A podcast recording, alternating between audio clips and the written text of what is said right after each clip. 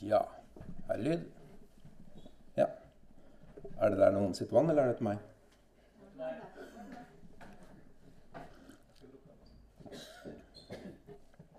Ok. Vi kan slå opp igjen tilbake i Judas brev, som vi leste fra i stad. Det er det nest siste brevet i Bibelen. Og da begynner jeg litt brutalt. Skal vi se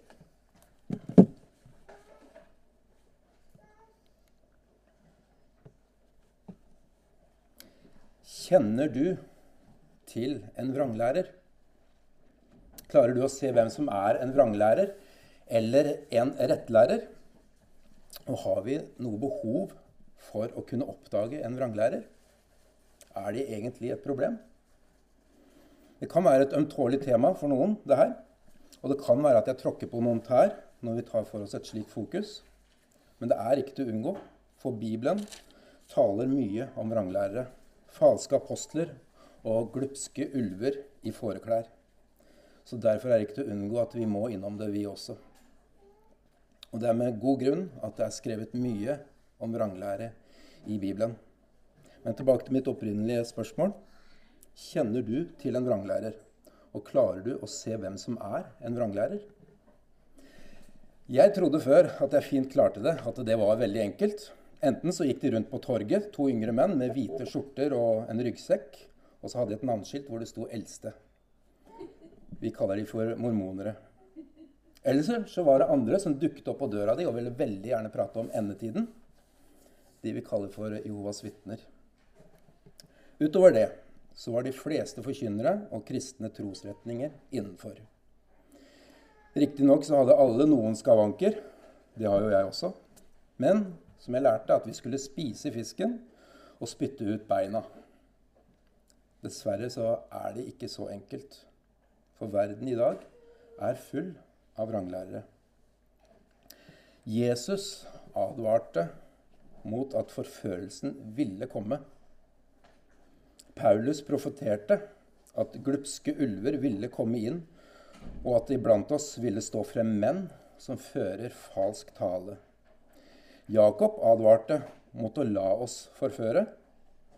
Peter sa at det skulle komme falske lærere inn blant oss. Judas derimot skriver at nå er de kommet. Vi skal de neste søndagene fremover, med et opphold i, rundt juletider, så skal vi ta oss, for oss Judas brev. Og det er kanskje ikke et brev som han er så veldig godt kjent med. Det kalles av mange for det mest forsømte brevet i Nytestamentet. Det er kort, det leses på fem minutter. Og det er kanskje vanskelig å finne nettopp fordi det er så kort. Navnet på forfatteren vekker kanskje litt usikkerhet. Er det forræderen Judas Iskariot? Og så er det kanskje ikke her man eh, trekker opp mannakort, eller dit man går for å finne trøst. Og de korte brevene har lett for å bli forsømt. Og når dette brevet da i tillegg er et såkalt vanskelig brev, så er det kanskje enklere å styre unna. Jeg vet ikke med dere, men jeg har i hvert fall ikke hørt så veldig mye forkynnelse rundt Judas brev tidligere. Og så er det kanskje litt problematisk i det, det at Judas refererer til to apokryfiske bøker. Altså bøker som ikke er med i, i vår bibel, men uh, som allikevel var en stor del av uh, jødene tidligere. Gir han da noen form for autoritet til disse apokryfiske bøkene? Vi skal se på, nærmere på det senere, i ukene fremover. Min påstand er at Judas brev det er et fantastisk brev med oppmuntringer, sunne, gode veiledninger og formaninger, tydelige og hjelpsomme advarsler om frafall, forfølelser, fordervelse, dom og masse kjærlighet. Alt dette i løpet av bare 25 vers. De som farer vill fra troen, vil kunne finne dette brevet vanskelig og usmakelig, nettopp fordi det gir klare advarsler om en kompromissløs holdning til de som farer vill fra sannheten og forårsaker splittelser og vranglære. Men for deg som søker sannheten i møte med dette brevet, så vil du kunne oppleve at det taler like klart og tydelig i dag som det det gjorde for 2000 år siden. Fordi det er et kort brev, så skal vi lese gjennom hele brevet hver gang før vi fokuserer på dagens tekst. Og jeg vil gå igjennom vers for vers, slik vi er vant til. Og i dag så skal vi ta for oss de to første versene, som i utgangspunktet er en vanlig, normal hilsen, men som inneholder masse god doktrine, og som er essensielt å vite før Judas går inn på hovedtemaet. Og slik som det står i 2. Timoteus brev, eh, kapittel 3, vers 16-17, så står det Hele Skriften er innåndet av Gud, og den er nyttig til lærdom. Og lærdom, det er det samme som doktrine. Til overbevisning, til rettledning og til opplæring i rettferdighet. For at Guds menneske skal bli satt i stand og godt utrustet til all god gjerning. Altså hele Skriften er innåndet av Gud. Det gjelder hele. Også en hilsen i begynnelsen av et brev. Jeg tror at vi kommer til å finne masse god og nyttig lærdom i dag. Så du kan ha en oppriktig forventning til en større åpenbaring av Gud. Bare be om at Han gir meg nåde til å kommunisere det til dere på en god måte, slik at du blir satt i stand og godt utrustet til all god gjerning. Og I dag skal vi legge et grunnlag hvem du er i Jesus Kristus. Og som en liten disclaimer, en liten varsko om noe av forkynnelsen fremover, så kommer jeg til å nevne navn på vranglærere som har sneket seg ubemerket inn i forsamlingene våre. Det er slike som forvrenger Guds nåde til løsaktighet, som bare tjener seg selv, som taler stolte og store ord med sin munn og smigrer folk til å oppnå fordeler. Disse finnes det mange av i dag. De finnes i veldig mange menigheter, lokale ledere, pastorer og medlemmer. De finnes på TV. De representerer ofte kristenheten for de ufrelste i media. Men de er også veldig nær deg. De finnes ganske sikkert i hjemmet ditt, hvis du tar en titt i bokhylla di. Jeg har tenkt mye fram og tilbake på om jeg faktisk skal nevne navn. Jeg har også spurt litt forskjellig om det er lurt, og jeg har fått forskjellige svar.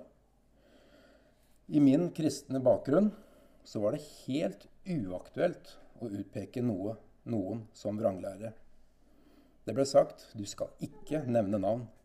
Eller slik som vi leste i, eh, i Salme 105 i dag du skal ikke røre Herrens salvede. Man kunne til nød si at Jehovas vitner ikke var blant de sanne troende. Men utover det, det var å dømme.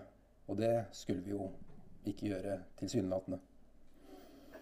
Som sagt så har jeg vært usikker på om jeg skal gjøre det eller ikke. For man skal være forsiktig.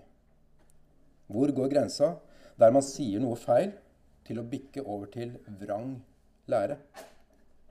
Vel, jeg håper vi får mer innsikt i det i ukene fremover. Så grunnen til at jeg nevner dem, er for å konkretisere mer, sette et dagsaktuelt ansikt på vranglæren, og kanskje for å vekke deg opp. Jeg har fått i oppgave å vokte flokken. Og hvis jeg da ser en ulv i forsamlingen, eller en snikende på veien, da skal jeg si ifra. Det vil være ondskap å tie. Vi skal derimot ikke drive med heksejakt. Det er ikke min intensjon. For jeg har ikke tid, jeg har ikke lyst, og jeg har ikke kapasitet til å ettergå alle forkynnere som er mainstream i dag. Jeg har heller ikke kapasitet til å kontrollere dem alle. Jeg prøvde det litt før, men fant ut at det bare drenerte meg og gjorde meg motløs over å se omfanget av forfølgelsen. Men det er ikke galt å være opplyst om disse vranglærerne. Det er litt som å evangelisere. Du trenger ikke å ha innsikt i islam for å vitne for en muslim. Evangeliet er akkurat det samme. Men det er allikevel kjekt å være litt opplyst om hva islam er. Så Altså vær opplyst, men ikke fokusert. Det jeg vil forholde meg til og fokusere mest på, det er menigheten vår. Om noen prøver å forføre en av oss her, så har vi alle et ansvar til å angripe og avvise. Og det er noen som spør men skal vi ikke bare være milde og kjærlige. Så la oss slå opp i 1. Timoteus brev, kapittel 6, vers 3-5.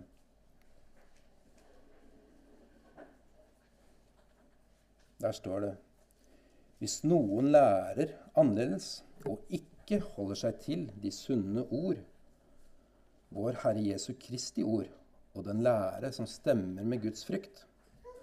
Da er han stolt og forstår ingenting, men han har sykelig trang til stridigheter og diskusjoner om ord. Og fra denne kommer misunnelse, strid, spott, onde mistanker. Unyttig krangel mellom mennesker som har fordervede sinn, og som er blitt frarøvet sannheten.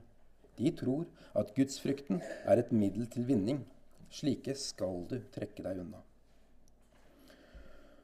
For noen av dere så er kanskje disse menneskene av falske lærere opplagte. Dere har lært å skjelne ut ifra Skriften og ikke ut ifra følelsene. Men det er ikke opplagt for alle. Som sagt så har de sneket seg inn. Ta det da ikke for gitt at vi er skånet fra et slikt angrep fra djevelen. Vær derfor våkne og oppøv deg i å skjelne. Ikke gå bare ut ifra at dine ledere sikkert vil oppdage vranglæren ved disse menneskene. Jeg kan fortsatt bli lurt. I min tid i trosbevegelsen så gjorde jeg en stor feil ved å anerkjenne anerkjente mennesker. Hvem var jeg til å stille spørsmålstegn ved en slik stor forkynner som trekker så mange mennesker? Men jeg har også i en senere tid latt meg villede ved å tenke at den og den personen som er så begavet i Skriften, ikke kan ta så feil i sin tolkning. Altså oppegående, smarte, gudfryktige mennesker innenfor det konservative.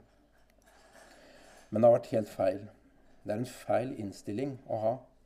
Det er Skriften som skal være min og din autoritet. Fordi mennesker gjør feilvurderinger. Det er din oppgave her i dag å sitte med en åpen bibel i det du har et åpent sinn.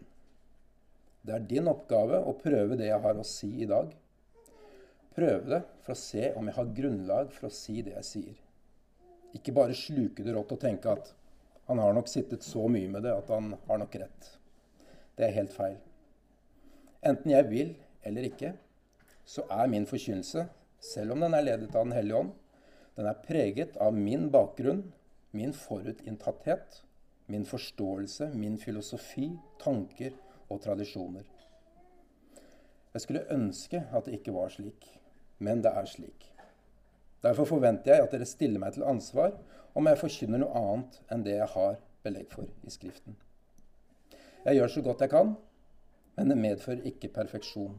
Still derfor gjerne spørsmål etterpå eller senere. Jeg er såpass heldig at jeg har Bob med meg eh, i ledelsen av denne menigheten. Og jeg har også Ole Jørgen som teolog. Og vi har også Erlend som er teolog, og Jon Sondre, som er teolog, som også kan eh, sitte med en eh, eh, og konfrontere meg hvis jeg, jeg, tar helt feil. Med denne lange introduksjonen her, la oss be. Kjære Gud. Jeg bekjenner at jeg er et syndig menneske og eh, full av feil. Og at jeg også kan tale feil. Derfor så ber jeg inderlig om at du må hjelpe meg, og du må lede meg med din Hellige Ånd, slik at jeg kan tale rett. Så ber jeg om også at du velsigner hver og enkelt en som hører på nå. At du gir dem evne til å skjelne ut ifra Skriften det som blir sagt, slik at de kan avvise det som er feil, og det som ikke er fra deg, og ta til seg det som, som er fra deg, Herre. Jeg ønsker å legge den tida i dine hender. I Jesu navn. Amen. Vi leste gjennom Judas brev i stad, så la meg kort oppsummere med en liten oversikt. Det begynner med en hilsen om de troendes felles frelse. Så kommer formaningen om å stride for troen fordi faren er absolutt til stede. Falske lærere er allerede i menigheten, og de misbruker Guds nåde slik at det fører til frihet for synden. Judas minner derfor om hvordan Gud tidligere har handlet med det vantro Israel. Ulydige engler og de umoralske byene Sodoma og Gomorra. Gud vil fortsatt dømme synd og ugudelighet. Samtidig så er Gud selv i stand til å hjelpe de troende slik at de ikke snubler. Brevet er skrevet for å formane tilhørerne til å stride alvorlig for den tro som en gang for alle ble overgitt til de hellige, altså de kristne. Frafallet har kommet, og falske lærere er kommet på banen. Så når Guds sannhet blir angrepet, så er det en formaning til oss kristne om å fortsette kampen for troen som vi har fått.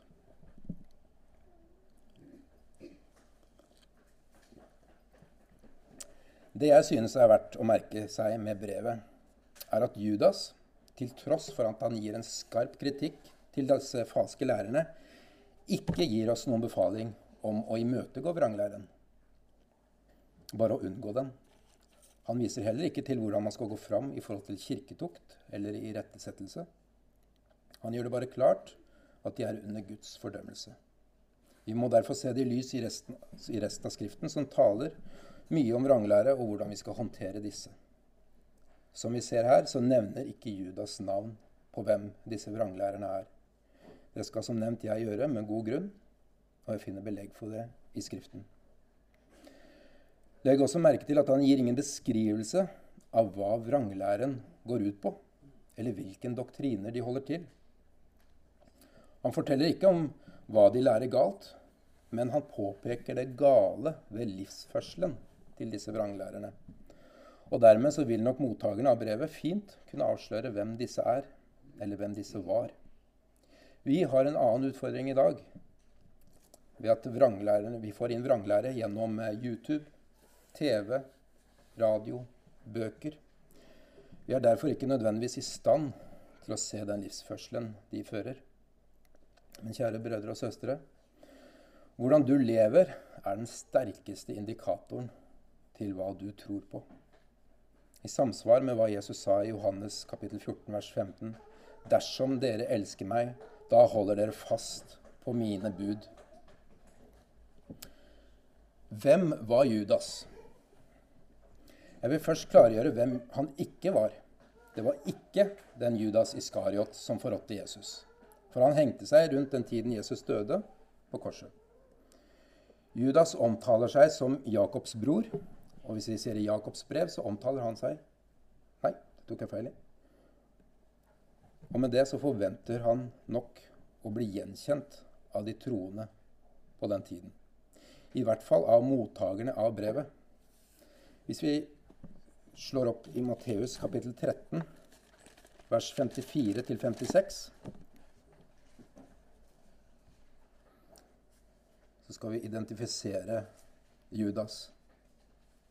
Der står det Da han, altså Jesus, var kommet til hjemstedet sitt, lærte han dem i synagogene deres. Så de ble forundret og sa, Hvor fikk denne mannen slik visdom og slike kraftige gjerninger fra? Er ikke dette tømmermannens sønn? Heter ikke hans mor Maria og hans brødre Jakob, Joses, Simon og Judas? Og hans søstre, er ikke de alle blant oss? Hvor fikk da denne mannen alt dette fra? Her finner vi en Judas som har en Jakob som bror. Det er derfor naturlig å anta at dette er den samme Judas, altså Jesus' yngre halvbror.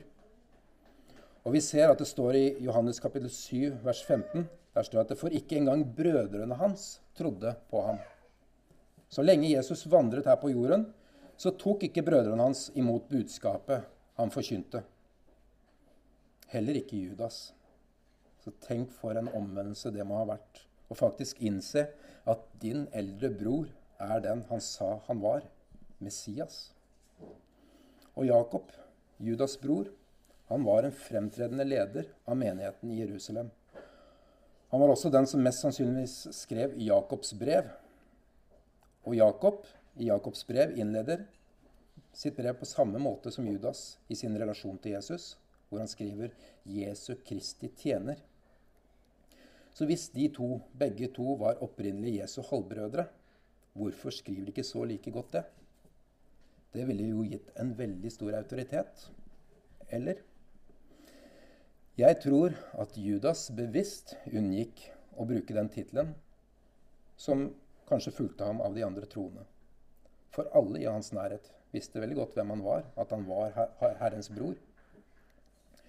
I stedet så fokuserer Judas, og også Jakob i Jakobs brev, på et poeng som er av mye større betydning for hans tjeneste, og for hans rettighet til å adressere andre kristne ved å skrive Jesu Kristi tjener.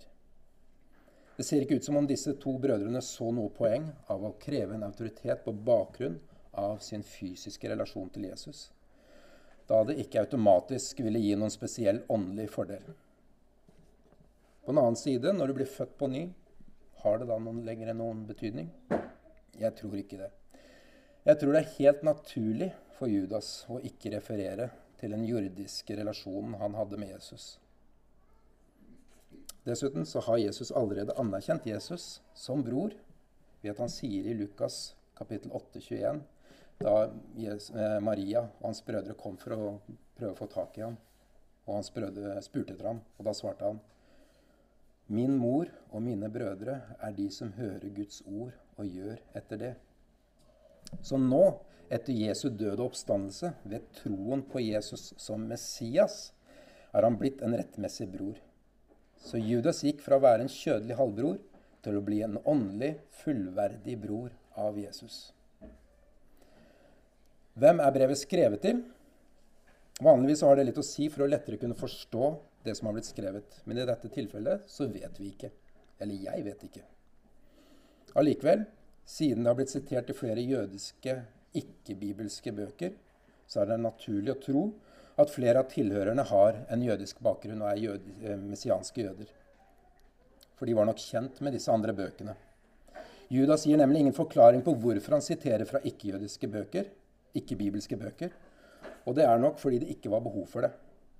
Det var ikke spørsmålstegn om dette var bøker som var utelatt fra Bibelen, slik man stiller spørsmålstegn i dag. Men den liberale livsstilen til vranglærerne som ble påpekt i brevet, antyder at det nok også var en del hedninger der. Enten så var de selv hedninger, eller så var de sterkt influert av hedninger. Det vi kan fastslå både ut ifra vers 1 og vers 3, er at det er kristne han skriver til. Tid og sted. Vi kan ikke fastslå når det ble skrevet, og vi vet heller ikke hvor tilhørerne var lokalisert. Og da vi ikke vet det, så tror jeg nok ikke det har veldig stor betydning for oss og sammenhengen vi skal sette oss inn i.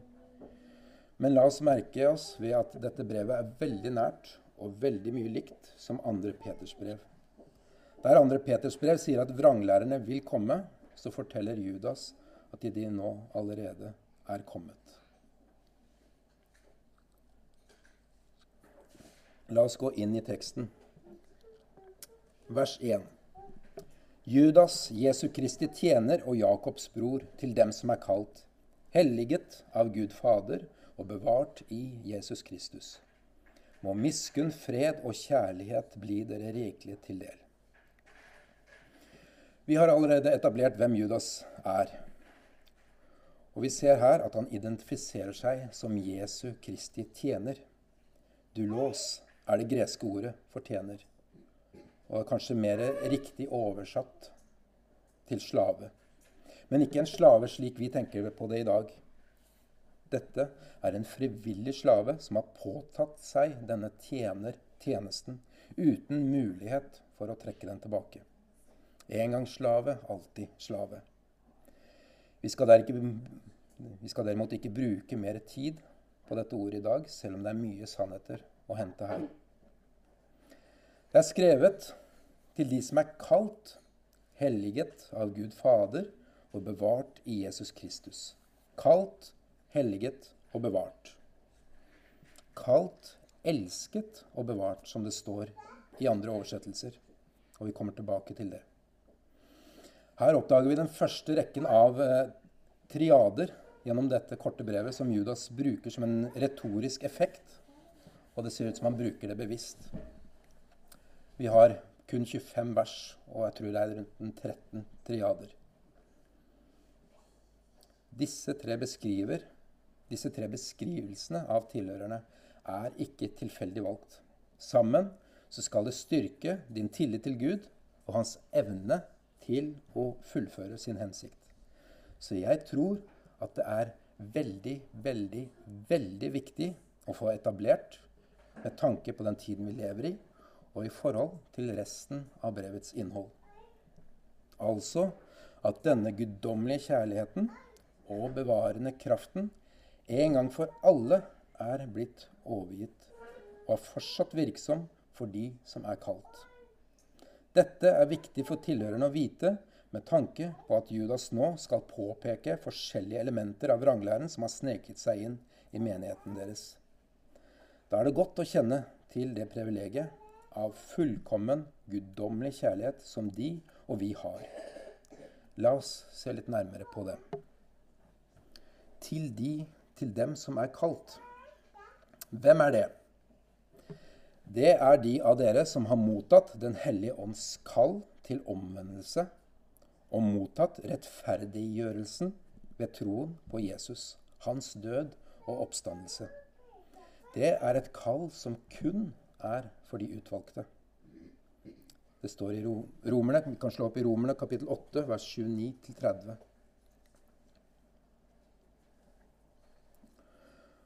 Der står det For dem som han kjente på forhånd, dem har han også forutbestemt til å bli likedannet med sin sønns bilde, for at han skulle være den førstefødte blant mange søsken. Og dem han forut har bestemt, dem har han også kalt. Og dem han har kalt, dem har han også rettferdiggjort. Og dem han har rettferdiggjort, den har han også herliggjort. De kalte er altså de som han har rettferdiggjort. De som på forhånd ved Guds vilje har blitt forutbestemt til å bli likedannet med sin sønns bilde. Kort sagt de troende. Det inkluderer da deg om du er kristen. Om du er frelst, rettferdiggjort ved troen alene, på Kristus alene, slik han har åpenbart seg i Skriften alene. Dette brevet er skrevet til deg. Kalt i dette tilfellet er et synonym for utvalgt. Dette er kanskje vanskelig for oss å ta imot. At du faktisk ikke har noen del i din egen utvelgelse. Hvordan eller hvorfor er det Gud utvelger oss? Svaret på det er veldig enkelt. Jeg vet ikke. Svar på utvelgelsen finner vi bl.a. i Romerne kapittel 9. Vi skal ikke gå dypt inn på det nå. Jeg kan kort si er det urettferdighet hos Gud som utvelger? På ingen måte. Hvem er du, menneske, som tar til motmæle mot Gud? Kan det som er formet, si til det som former det, hvorfor har du lagt meg slik? Du, hvor jeg finner trøst i disse versene. Jeg vil også sterkt påpeke at ingen av oss har blitt frelst fordi vi har vært så smarte og forstått budskapet i evangeliet. Ingen av oss har blitt frelst fordi vi har vært så ydmyke at vi har bøyd oss i støvet for Han som er hellig. Ingen av oss har blitt frelst fordi vi tok et annet valg enn det naboen vår gjorde. Du er ikke en superkristen som har kommet til fred med Gud fordi nettopp du gjorde noen gode og smarte valg langs veien. Du er frelst ene og alene fordi Gud har utvalgt deg og åpenbart seg for deg. Det står i Johannes kapittel 6 vers 44. Vi kan også slå opp der, for vi skal se på det seinere òg.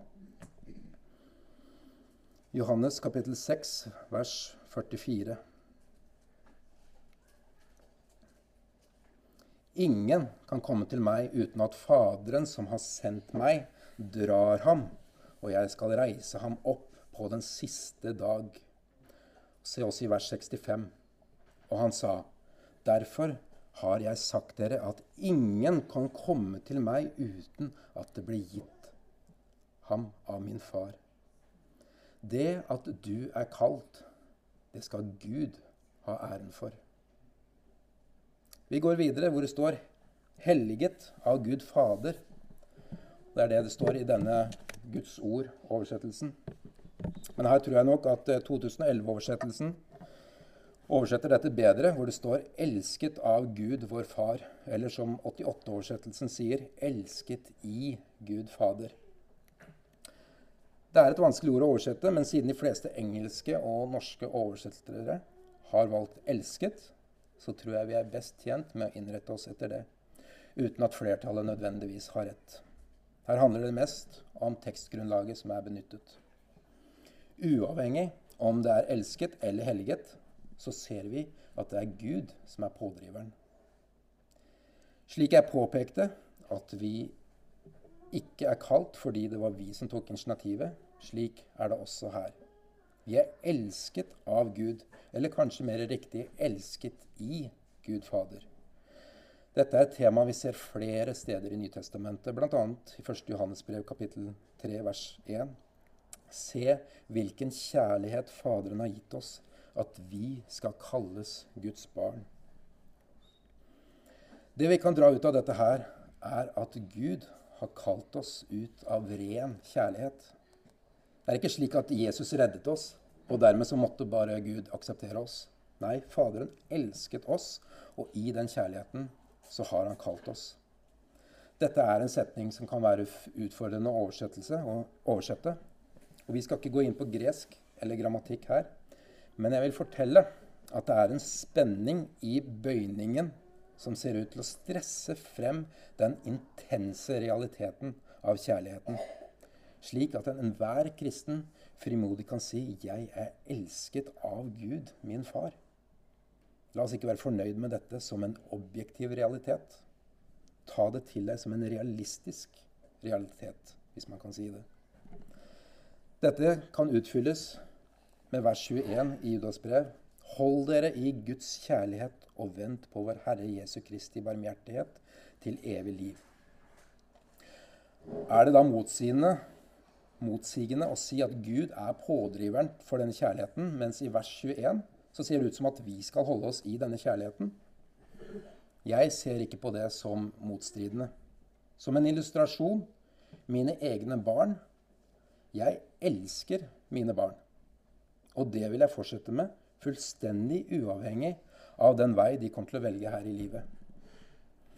Men de vil alltid få mest utbytte av min kjærlighet om de holder seg til den kjærligheten, enn om de velger en annen vei å gå. Altså, jeg vil alltid elske dem, men privilegiene av min kjærlighet, muligheten til å høste frukt av at jeg elsker dem, vil nok være begrenset om de flytter vekk og går sin egen vei. Hold dere derfor i Guds kjærlighet. Det står i Romerne kapittel 5 vers 8.: Men Gud viser sin kjærlighet til oss ved at Kristus døde for oss mens vi ennå var syndere. Gud har valgt å frelse troende til sin ære fordi han elsker dem. Og hvorfor gjør han det? Hvis vi er ærlige med oss selv, så innser vi at det ikke er en selvfølge. I hvert fall ikke for min egen del. Faktisk så overgår det enhver fatteevne at Gud virkelig elsker oss med en slik intensitet. Men det står skrevet som vi må tro det og ta det til oss og gi Han ære for Hans ufattelige kjærlighet til oss. Vi elsker Han fordi Han elsket oss først. Og det er ut ifra den kjærligheten at Han vil fortsette å beskytte og bevare oss i troen til en relasjon med Ham som vil vare i en evighet. Dette er en kjærlighet som er evig, uendelig og dermed fullstendig fastsatt, slik Paulus skriver i Romerne kapittel 8, vers 38-39. Der står det For jeg er overbevist om at verken død eller liv, verken engler eller myndigheter, verken makter eller det som nå er, eller det som skal komme, verken høyde eller dybde eller noen annen skapning skal være i stand til å skille oss fra Guds kjærlighet, den som er i Jesus Kristus, vår Herre. Derfor kan vi frimodig si at vi er bevart i Jesus Kristus, som er det neste ordet i vers 1. Hva er det å være bevart i Kristus Jesus? Er det noe du gjør, eller er det noe som allerede er gjort? Er man fullverdig bevart i Kristus, eller er man midlertidig bevart? Eller er man bevart under visse forutsetninger? Det er ikke noe men eller andre forbehold eller så sant du gjør de rette tingene eller tar de rette valgene. For da er det plutselig opp til deg å forholde deg selv bevart. Og da vil det være du som fortjener applaus for at du selv klarte å holde deg innafor. Mitt inntrykk er at folk, altså andre kristne med en annen teologisk bakgrunn, frykter da at det fort blir løssluppenhet. Men jeg finner ikke noe logikk i det. Nei, du ønsker å gjøre det rette fordi du er elsket av Gud, og dermed så elsker du ham. Judas brev avsluttes i vers 24. Men han som har kraft til å bevare dere fra å snuble, og til å framstille dere ulastelige framfor sin herlighet med umåtelig glede. Mitt spørsmål blir da Han som har kraft til å bevare dere, mislyktes han? Mislyktes han i å bevare dere fra å snuble, til å framstille dere ulastelige framfor sin herlighet? Er det motsigende å si at Gud vil bevare deg, men at du også skal bevare deg selv? Jeg tror ikke det. Og her kommer vi naturlig inn på det, om vi kan miste frelsen. Slik jeg ser ut ifra Skriften, så er det ikke rettferdiggjørelsen noe vi kan falle ut av. I tilfelle med teksten her så lever både vi og disse opprinnelige leserne i en tid med oppriktig motstand mot vår tro. Krefter som står imot det budskapet vi har. Da er det viktig å huske på at han som har begynt en god gjerning i deg, er også mektig til å fullføre det. Ikke bare startet han din vandring på troens vei, men han vandrer også sammen med deg og bevarer deg i Kristus Jesus. Finn fred med Gud i dette. Han bevarer oss i denne fordervede og onde tiden. Når Gud bevarer oss, så vil vi tilhøre Jesus og forholde oss lojale til ham, vår Herre, inntil verdens ende. Det er ikke nåtiden som er vårt mål, det er endetiden eller fremtiden, om det høres bedre ut. Så til dem som er kalt og elsket i Gud Fader, det er de som er bevart i Kristus Jesus. Det Judas skriver her, er helt i tråd med det Jesus selv underviste i Johannes kapittel 10, vers 27-29. La oss slå det også opp. Der står det Mine sauer hører min røst, og jeg kjenner dem, og de følger meg. Jeg gir dem evig liv, og de skal aldri i evighet gå fortapt. Når skal de gå fortapt? Heller ikke skal noen rive dem ut av min hånd. Min far, som har gitt dem til meg, er større enn alle, og ingen er i stand til å rive dem ut av min fars hånd. Så hvem er i stand til å rive dem ut av min fars hånd? Det er ingen. Og her står det til og med dobbelt opp. For de som står fast på at det er deg selv som sørger for at du holder deg bevart i troen, argumenterer på at de selv sjøl kan velge bort Gud. Men la meg påpeke, ut ifra det vi leste her, at ingen er i stand til å rive noen ut av Jesus eller Guds hånd. Og ingen, det inkluderer også deg selv. Da jeg oppdaga dette her, så fant jeg en fantastisk hvile og fred. Det er ikke opp til meg og min dyktighet eller evne til å holde meg selv bevart å, ved å gjøre de rette tingene. Kunne jeg miste frelsen, så kan jeg garantere dere alle at jeg hadde mista den. Jeg vet at dette er veldig kontroversielt for mange, og det er forståelig. Vi har et iboende ønske i oss selv til å bidra til å gjøre bare litt for å fortjene denne frelsen.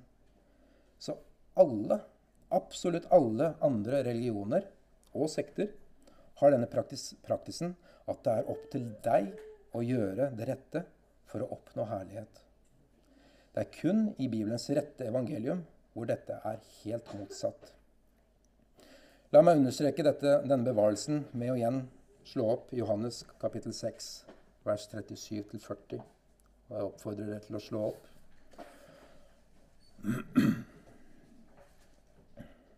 Der står det Vi leste litt av det i stad. Alle dem som Faderen gir meg, kommer til meg. Og den som kommer til meg, skal jeg aldri støte ut. For jeg er kommet ned fra himmelen, ikke for å gjøre min egen vilje, men Hans vilje som har sendt meg. Og dette er Faderens vilje som har sendt meg, at av alt det Han har gitt meg, skal jeg ikke miste noe. Men jeg skal oppreise det på den siste dag. Og dette er Hans vilje som har sendt meg, at hver den som ser Sønnen og tror på ham, skal ha evig liv, og jeg skal reise ham opp på den siste dag. Så du er bevart i Jesus Kristus. Judas har dermed startet sitt brev med å fjerne all unødvendig frykt. Du er bevart. Ta det til dere. Vi går videre til vers 2 mot avslutning. Må miskunn, fred og kjærlighet bli dere rikelig til del. Dette er en litt annen versjon av den standardhilsen som vi finner i datidens greske brev. Da Erlend gikk gjennom Titus, oppfordret han oss til å hilse på hverandre med nåde, miskunn og fred. Så hvis du vil variere litt, så kan dere også bruke denne her. Vi skal gå litt raskere gjennom disse, som danner den neste triaden fra Judas. Triade, det er tre ting som Hvordan har du det? Eh, jeg har det fint. Det går greit. Eh, takk, bare bra. Det er en triade. Legg merke til at dette er et ønske for oss. Men samtidig så er det der fullstendig tilgjengelig. Vi har fått miskunn. Vi har fått fred.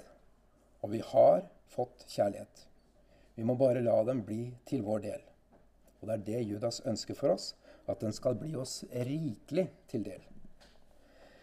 Det kan fort bli en frase slik som 'Hvordan går det?' uten at man egentlig lurer og forventer, forventer egentlig et bra. Men det er ikke tilfellet her. For det ligger rikdommer i denne hilsenen. Hva er miskunn? Det er kanskje lettere forklart med ordet barmhjertighet. For i likhet med at ordene 'bevare' og 'kjærlighet' på en måte starter og avslutter dette brevet her, så finner vi det samme med ordet 'miskunn', fordi det også betyr barmhjertighet. På gresk så er det brukt det samme ordet, 'eleos', og det finner vi også da i vers 21, hvor det står i Judas brev Hold dere i Guds kjærlighet og vent på vår Herre Jesu Kristi barmhjertighet til evig liv. Hva er fred? Det sier seg kanskje selv, men det er et aspekt ved det som er viktig å få med seg. Har vi fred? Da snakker vi ikke om fred med naboen eller familiemedlemmer, selv om det også er viktig. Nei, har vi fred med Gud? Kan vi forvente fred? Ja, det kan vi. Det står i 1. Johannes brev, kapittel 3, vers 19. Og på dette vet vi at vi er av sannheten, altså at vi er frelst. Og våre hjerter faller til ro innenfor ham. Så en ro, en trygghet i bevarelsen i Jesus Kristus, som naturlig også vil gi oss frelsesvisshet. Det lander alltid på at jeg ikke kan gjøre noen ting som allerede er gjort. Hva er kjærlighet? Det greske ordet som er brukt her, er agape. Og det er også gjentatt i vers 21. Og på en måte så lukker det sirkelen av brevet som et lyrisk virkemiddel. Jeg lærte på skolen at man ville få poeng om man klarte det. Men jeg tror ikke det var poeng som Judas håpet på her. Det er viktig å understreke vår stilling i Gud med tanke på all den forfølelsen og fordervelsen og ugudeligheten vi har i og iblant oss rundt oss og blant oss. Det jeg håper at du sitter igjen med ut ifra disse to første versene, er en større klargjøring om hvem du er, og hva du har i Kristus. At du faktisk er bevart. Og det er ikke en liten sannhet, det er enormt. At du er elsket, og at du er kalt. At du dermed har fått fred, at du har fått miskunn, og at du er en del av Guds familie. Og med det kan vi frimodig si 'Abba, far'. La oss be. Kjære Gud. Vi trenger deg. Vi trenger hjelp fra deg, Den hellige ånd. Jeg ber nå om at du må hjelpe oss til å få grunnfestet denne sannheten om din bevarelse i deg. At vi ikke kan gjøre noen ting for å ivareta vår frelse. At vi ikke kan gjøre noen ting for å bli frelst. At alt som trengs å gjøres for denne frelsen, det har du allerede gjort. Kjære Gud, jeg ber om at det må bli en, en virkelighet for oss, en sannhet, at vi kan forstå og se det, Herre. Eh, og forstå den intense kjærligheten du har til oss. At du faktisk døde for oss, slik at vi kunne bli frelst, ennå vi så til de grader ikke fortjente det.